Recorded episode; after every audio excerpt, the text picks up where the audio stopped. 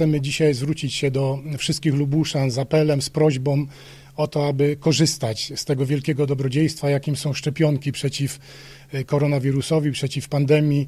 Jesteśmy w dobrym czasie, pandemia y, ustąpiła, ale nie wiemy, co przed nami. W związku z tym wspólnie z przedstawicielami samorządów, y, z panem dyrektorem Narodowego Funduszu Zdrowia i z przedstawicielkami młodego pokolenia chcemy prosić wszystkich, a w szczególności właśnie młodych Lubuszan, których stopień zaszczepienia jest na dzisiaj niewystarczający. Bardzo prosimy, aby skorzystać z tego dobrodziejstwa, aby się zaszczepić.